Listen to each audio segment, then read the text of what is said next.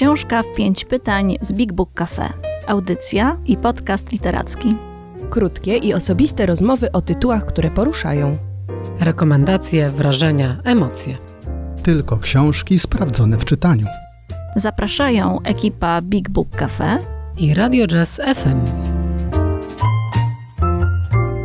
Dzień dobry, witajcie. E, tu ekipa Big Book Cafe, rozmawiająca o książkach, które nas poruszyły, a te, co nawet ta, o której dzisiaj rozmawiamy, to nawet wprawiła Ziemię w ruch, a zatrzymała Słońce.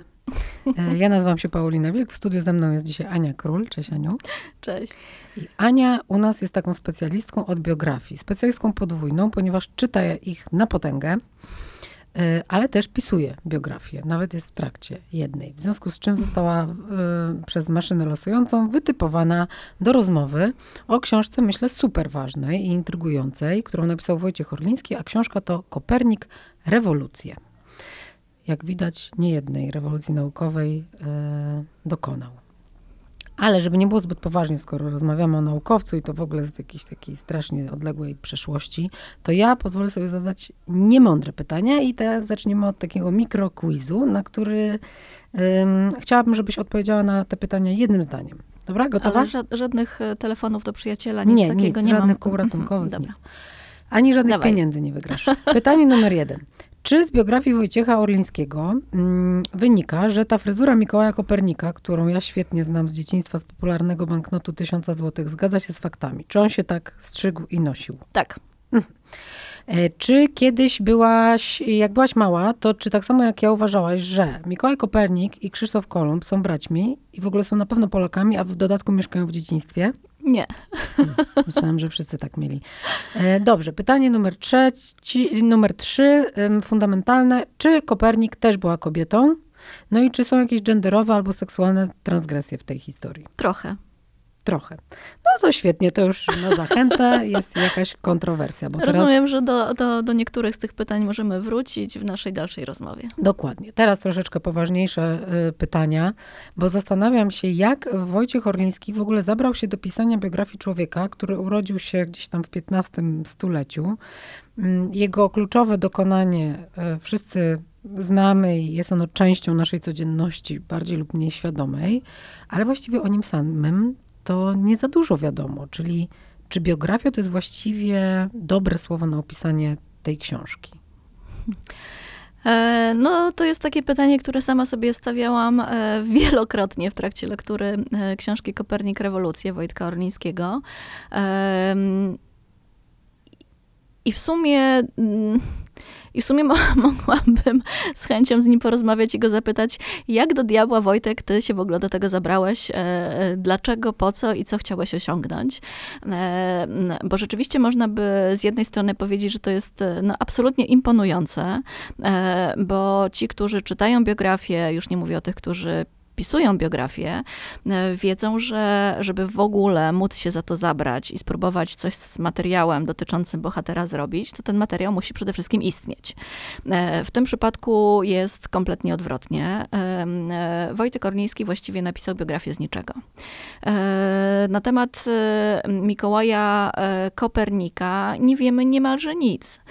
Wynika to z bardzo prostych przyczyn, choć dzisiaj może jak czytamy, to one się stają jakieś takie banalne i oczywiste, a, e, e, a nie wszyscy myśl, myślę, że mogą mieć tego świadomość. E, No mianowicie mówimy o czasach, w których właściwie dopiero zaczyna się historia zapisu. Historia odnotowywania różnych faktów dotyczących życia. I w dodatku dotyczy to wyłącznie osób wybitnie uprzywilejowanych, takich, które albo czegoś dokonały, albo pochodziły z rodzin, które, no, które miały jakieś wpływy na, czy jakiś wpływ na, e, na historię, na politykę. Albo, i, i to jest też ciekawe, e, miały w swojej, w, swoim, e, w swojej historii doświadczenie edukacji. E, To zresztą też jest bardzo ciekawy wątek w tej biografii, bo, no bo mówimy o totalnych początkach w ogóle wszystkiego w naszej historii, w naszej kulturze. Mówimy o początku istnienia uniwersytetów, więc ta edukacja w zasadzie dopiero jakby w takim znaczeniu, w jakim my dzisiaj edukację rozumiemy i znamy, zac- zaczyna się. Mówimy o początkach druku, no jesteśmy w w czasach Gutenberga właściwie, więc to nie jest tak, że książki funkcjonują jakoś powszechnie. No i w tym wszystkim jakoś są zaplątane bardzo nieliczne Czasem fakty, czasem przekazy dotyczące życia Kopernika.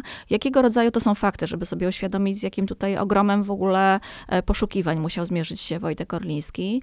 E, no na przykład udało mu się odszukać informacje na temat tego, że e, Mikołaj i jego brat Andrzej, ale już nie wiedział, czy młodszy, czy starszy, bo to nie wynikało z żadnych zapisów.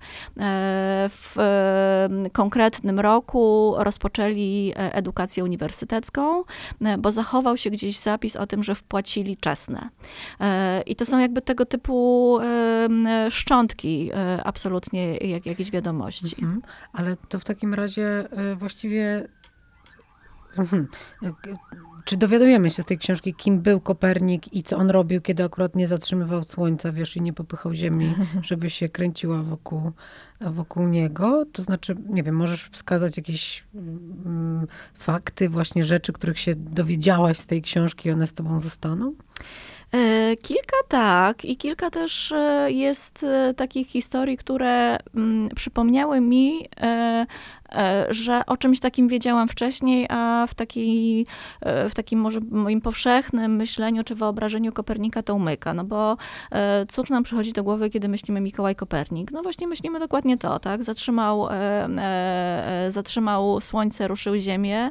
I coś w Toruniu robił i, i tam i, pierniki i, i był związany z Toruniem i są tam pierniki i był bohaterem banknotu. I to są takie skojarzenia z Kopernikiem, no i ta jego słynna fryzura.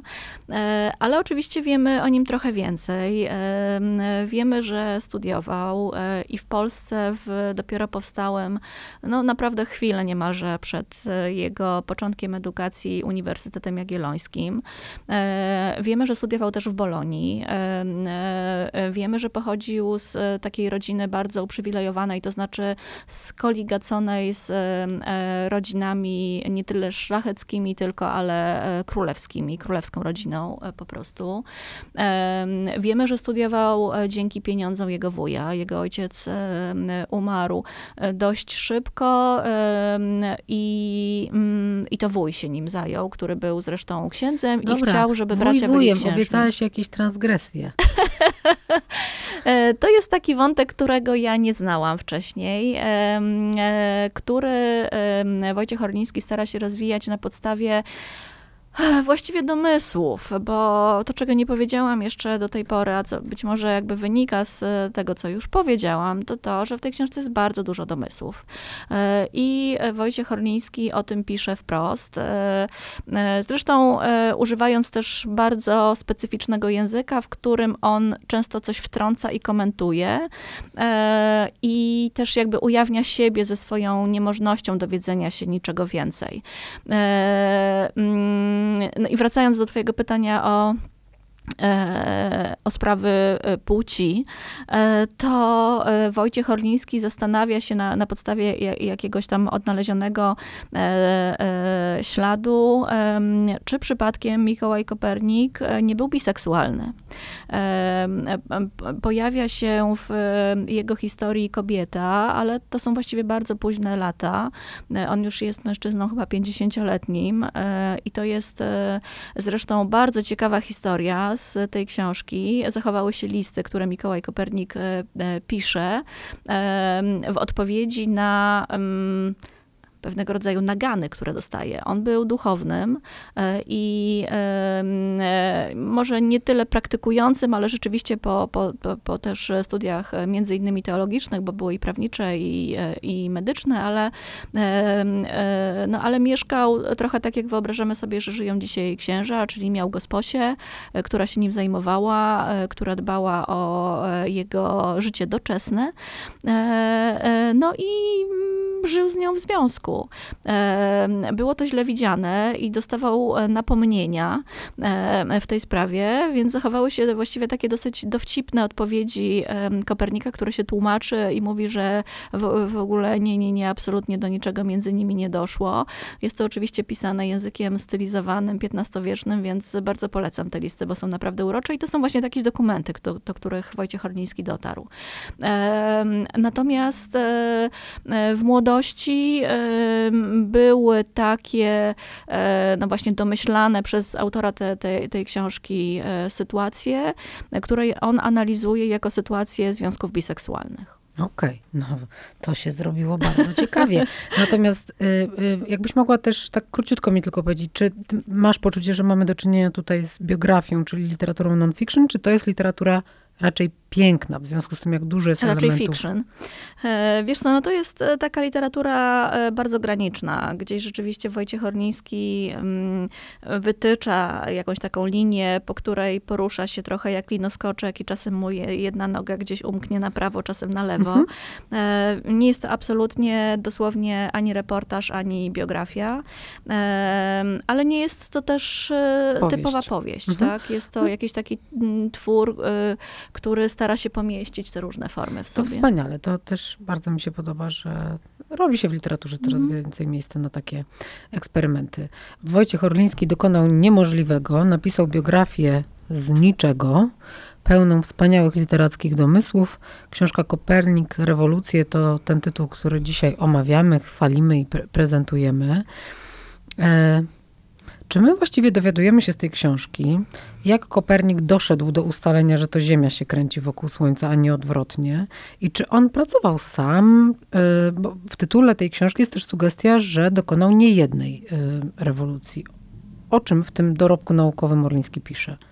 E, I to jest e, taka część tej książki, która mnie troszkę rozczarowała bo e, mam takie poczucie, e, być może e, do niektórych rozdziałów warto wrócić, bo rzeczywiście, mm, może to słowo rozczarowała jest za mocne. Wojciech Orliński oczywiście włożył ogromną pracę w to, żeby wyjaśniać też naukową pracę Kopernika.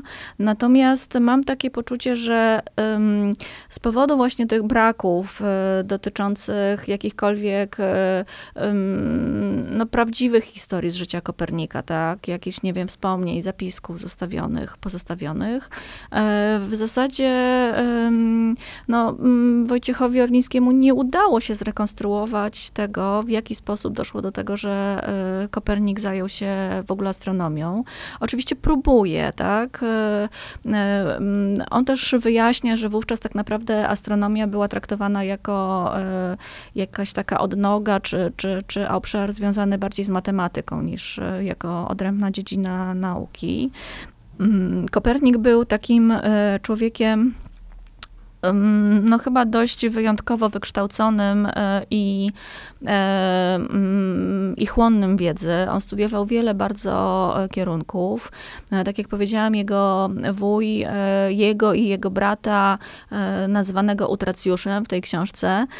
Zresztą Ktoś musi być rozbójnikiem. I, i, no i właściwie ta jego historia też jakoś tam się urywa, y, umiera dość y, młodo. E, on y, no, zgodnie z doktryną czasów, ówczesną modą i przekonaniem o tym, co przynosi dochody i, i dostatnie życie, chciał po prostu, żeby byli duchownymi i jakoś tam kontynuowali jego, jego historię i, i, i jego karierę. Częściowo się to udało, bo rzeczywiście Kopernik e, w tym kierunku też się wykształcił, e, co mnie bardzo jakoś e, tak ujęło. To dosyć dużo miejsca poświęca też Orliński takiej działalności Kopernika związanej z ekonomią, nie wiem, zarządzaniem gruntami, e, e, przyznawaniem ziemi, e, która tam należała do, do, do, do tych włości, którymi on, on zarządzał. Czyli nie ludziom. tylko kosmosem się zajmował, nie, nie, nie, ale kompletnie. On przyziemnymi sprawami właściwie też. e, takie, mam wrażenie z tej książki, e, zajmował się tym e, kosmosem zupełnie e, dodatkowo, po godzinach. To trochę Czyli jak... to był taki sukces na boku. To był taki sukces na boku, trochę jak Kawka, który był urzędnikiem, a do domu Po przychodził 17 po i 17 w domu, si siadał tak, wkładał kapcie i, I zaczynał pisać. I, i, I przy okazji mu wyszły z tego arcydzieła. I podobnie jest e, z Kopernikiem. E, Nie ma jednego momentu wytyczonego w jego życiu, który byłby tym wow, dobra, Czyli nie mamy tego momentu eureka. Nie. E, No i rzeczywiście ja e, w zasadzie nie wyszłam e, z lektury tej książki z, takim, z taką pełną wiedzą na temat tego, jak do tego doszło.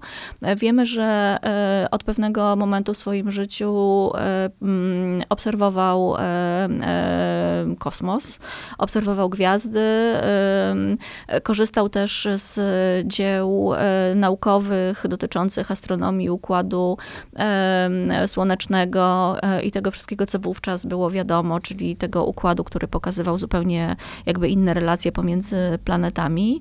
E, No i pro, po prostu prowadził eksperymenty. Ale on e, generalnie był taką Zos- Zosią Samosią, tak. Tak. W tym. Tak. E, No, no to chciałam cię zapytać o to, czy dowiadujemy się z tej książki, bo trochę powiedziałaś o tym tle epoki, w której on, on dokonał tego przełomu. E, Przełomu, który dla nas jest no, takim wiem, klas, Oczywistością. klasykiem, oczywistością. E, Natomiast zastanawiam się, jaka była reakcja, bo jednak robi to człowiek, który, jak mówisz, pracuje samodzielnie, pewnie metodami, które dzisiaj by były uznane za nienaukowe, ale, ale takie miał do dyspozycji. No i w dodatku robi to człowiek jednak w, nie w jakimś bardzo znaczącym ośrodku akademickim y, w Europie, tylko, y, tylko można powiedzieć jakiś mężczyzna na rubieżach ym, tej europejskiej rzeczywistości. No więc jak ten świat przyjął ten jego przełom? Czy od razu zrozumiano, że to jest przełom? Czy to budziło jakieś wielkie kontrowersje? Czy on został, wiesz, stos mu groził ym, za jakieś buńczuczne teorie? Jak to było? Tak, groził.